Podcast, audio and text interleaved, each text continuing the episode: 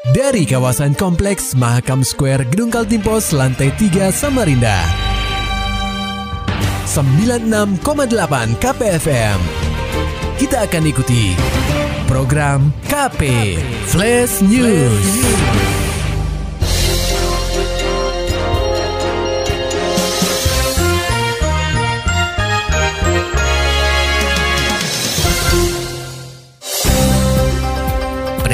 saat ini Anda mendengarkan program KP Flash News bersama Ian Krisna. Tiga unit truk dengan tangki yang sudah dimodifikasi telah diamankan oleh jajaran Satlantas Polresta Samarinda. Laporan selengkapnya akan disampaikan reporter KPFM Samarinda, Muhammad Nur Fajar. Pendengar KP, antrian solar pada beberapa SPBU di kota tepian sudah menjadi hal lumrah yang sering terpantau akhir-akhir ini. Tak jarang, antrian dari truk itu membuat ruas jalan menyempit hingga menyebabkan kecelakaan lalu lintas yang memakan korban jiwa. Oleh sebab itu, Satuan Lalu Lintas atau Satlantas Polresta Samarinda mencoba mencari tahu mengapa fenomena ini terjadi. Hingga akhirnya, Korps Bayangkara menemukan tiga truk yang sedang mengantre di SPBU, di mana tangki BBM dari kendaraan itu telah dimodifikasi pada Senin 25 Oktober 2021. Hal itu dibenarkan oleh Kasat Lantas Polresta Samarinda, Kompol Wisnu Dian Kristanto, saat ditemui KPFM di ruangannya. Wisnu menyebut, tiga truk tersebut disinyalir milik pelaku pengetap solar, yang menyebabkan sopir truk lainnya kesulitan untuk mendapat BBM tersebut. Terlihat bahwa spesifikasi kendaraan, dalam hal ini tangki BBM, telah dirubah sedemikian rupa. Idealnya, satu truk hanya memiliki satu tangki. Namun, dari tiga truk yang diamankan, semuanya memiliki dua tangki BBM yang terletak di sisi kiri dan kanan kendaraan. bukan pompa jadi tangkinya double Double. kiri kanan Ah, seperti itu jadi ngisi kiri ngisi kanan kalau bisa di ini bisa sekitar 200 liter tuh oh gitu. Jadi kemauan mereka mengapa mereka melakukan itu? kenapa ah kita hanya waktu itu mengamankan karena orangnya pergi ini sedang kita cari juga kita panggil gitu loh. karena waktu datang mungkin tahu ditinggal. Seperti Kendaraan jenis apa itu bang? truk di depan itu truk Kalau wajarnya truk itu tuh satu tangki atau memang dua tangki dilihat. kalau itu jadi kita lihat itu ada tambahan di sana. Mm-mm. Mm-mm. Seperti Oh yang sengaja ditambahkan dari bukan Sebagai tindak lanjut, pihak kepolisian segera mengamankan truk tersebut serta berupaya untuk memanggil sopir atau pemilik truk. Namun, sampai saat ini panggilan tersebut tidak mendapat respon. Wisnu menegaskan, klarifikasi dari pemilik kendaraan penting untuk proses penyelidikan lebih lanjut. Perwira Melati satu ini pun enggan berspekulasi lebih jauh. Apakah truk-truk ini diduga sebagai penimbun BBM solar dari perusahaan atau hanya menyimpan solar untuk kepentingan pribadi? waktu itu kan sudah kita bilang cuman kita bangun kita mau telusuri ini di mana nih? Gitu loh.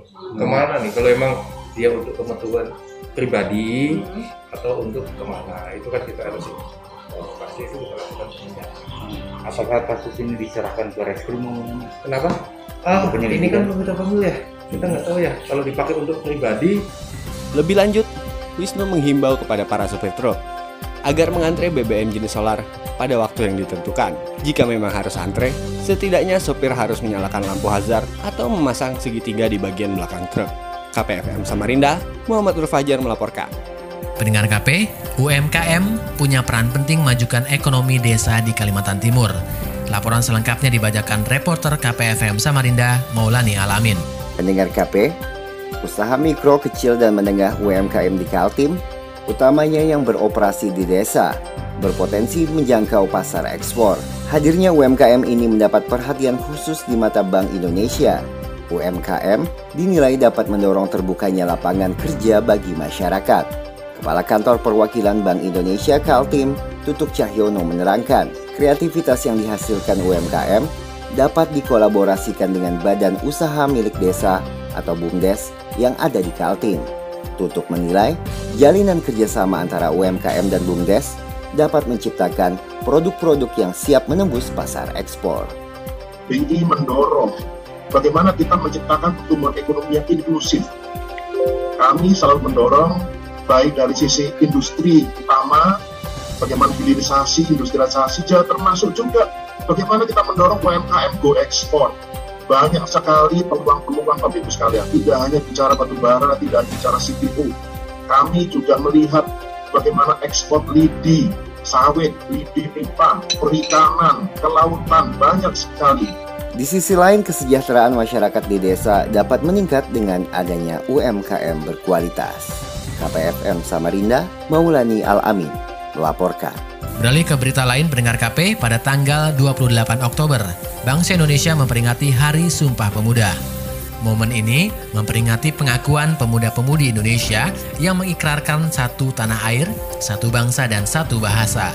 Sumpah pemuda ini dapat dimaknai dengan berbagai cara, termasuk yang dilakukan Roro Ajeng Kurti Damawestri, atlet Kempo Kaltim peraih medali emas PON ke-20 Papua. Perempuan yang akrab disapa Ajeng itu berhasil menyabet medali emas berpasangan dengan Muhammad Cesar Ramadan pada nomor embu campuran Q Kensi. Perjuangan Ajeng yang pada tahun ini menginjak usia 23 tahun itu dalam menjalani pertandingan di PON Papua tidak mudah. Sewaktu menjalani pra-PON 2019 di Kalimantan Selatan, performa Ajeng dan Cesar menurun, sehingga hanya mendapatkan medali perak. Kami juara dan kembali di pra-PON 2019 kemarin kami perak, gitu kan. Kami tahu gimana rasa sakitnya sih maksudnya. Kata cewek kelahiran Samarinda itu, seorang pelatih pernah menyampaikan bahwa tetap berjuang dan pertahankan kelas kalian. namanya ini kelasmu gitu. Jangan sampai ada orang yang datang terus tuh tiba-tiba geser kelasmu. Kamu harus bisa jadi raja dan ratu di kelasmu. Itu sih yang bisa nge- nge-up saya sama Cesar. Medali emas di PON Papua merupakan yang kedua bagi Ajeng dan Cesar. Mereka juga menyabet medali emas pada PON Jawa Barat 2016 lalu. Pendengar KP, walau sempat unggul lebih dulu, Borneo FC harus mengakui keunggulan Bayangkara FC dengan skor 2-1 dalam lanjutan pekan ke-9 BRI Liga 1 pada Rabu 27 Oktober 2021 di Stadion Madia Magelang. Awalnya penyerang Borneo FC Wawan Febrianto berhasil membawa timnya unggul pada menit ke-15. Namun sayang, setelah performa yang apik pada babak pertama, pertandingan harus diundur selama satu jam akibat hujan deras yang mengakibatkan Stadion Madia Magelang tergenang air. Usai dipastikan lapangan dalam kondisi baik, kedua tim akhirnya bermain kembali. Pada babak kedua, Bayangkara FC berhasil mencuri gol melalui sundulan Arthur Bonai dan sepakan Ezezil Enduasel. Skor 2-1 untuk keunggulan The Guardian tahan hingga peluit akhir dibunyikan. Saat konferensi pers usai laga, pelatih Borneo FC Risto Vidakovic mengakui bahwa permainan Punggawa Pesut Etam pada babak kedua tidak berkembang dengan baik seperti babak pertama. I don't know because we didn't play the second half as, as good as we should because uh, I think uh, we have to compete a little bit more if we want to get something from from, from this game because we have the the lead and uh, we have to defend it a little bit more much strongly as we did in the second half. Kehilangan tiga poin berharga tidak membuat juru taktik asal Bosnia ini patah arang. Dalam mempersiapkan tim untuk menatap laga selanjutnya, Risto akan fokus melakukan pemulihan fisik pemain pasca pertandingan. Setelah itu, banyak hal yang harus dibenahi, terutama dalam transisi menyerang dan bertahan yang baik. Yeah, because uh, there are many things to, to change and uh, we need it's short time. We just 15 days together and I think the team needs to assimilate many things and uh, but today it was not a question of, of anything tactical. It was I think we need to fight a little bit more. Akibat kekalahan ini pendengar KP Borneo kembali turun ke peringkat 13 dengan raihan 10 poin. Sementara itu Bayangkara FC semakin memperkokoh posisinya di puncak klasmen dengan capaian 22 poin dari 9 pertandingan. Maulani Alamin, Muhammad Nur Fajar, KPFM Samarinda. Dan pendengar KP, Anda bisa menyimak berita-berita lainnya di laman www.968kpfm.co.id. Demikian tadi telah kita simak rangkaian berita-berita yang terangkum dalam program KP Flash News. Persembahan dari 96,8 KPFM. Terima kasih dan sampai jumpa.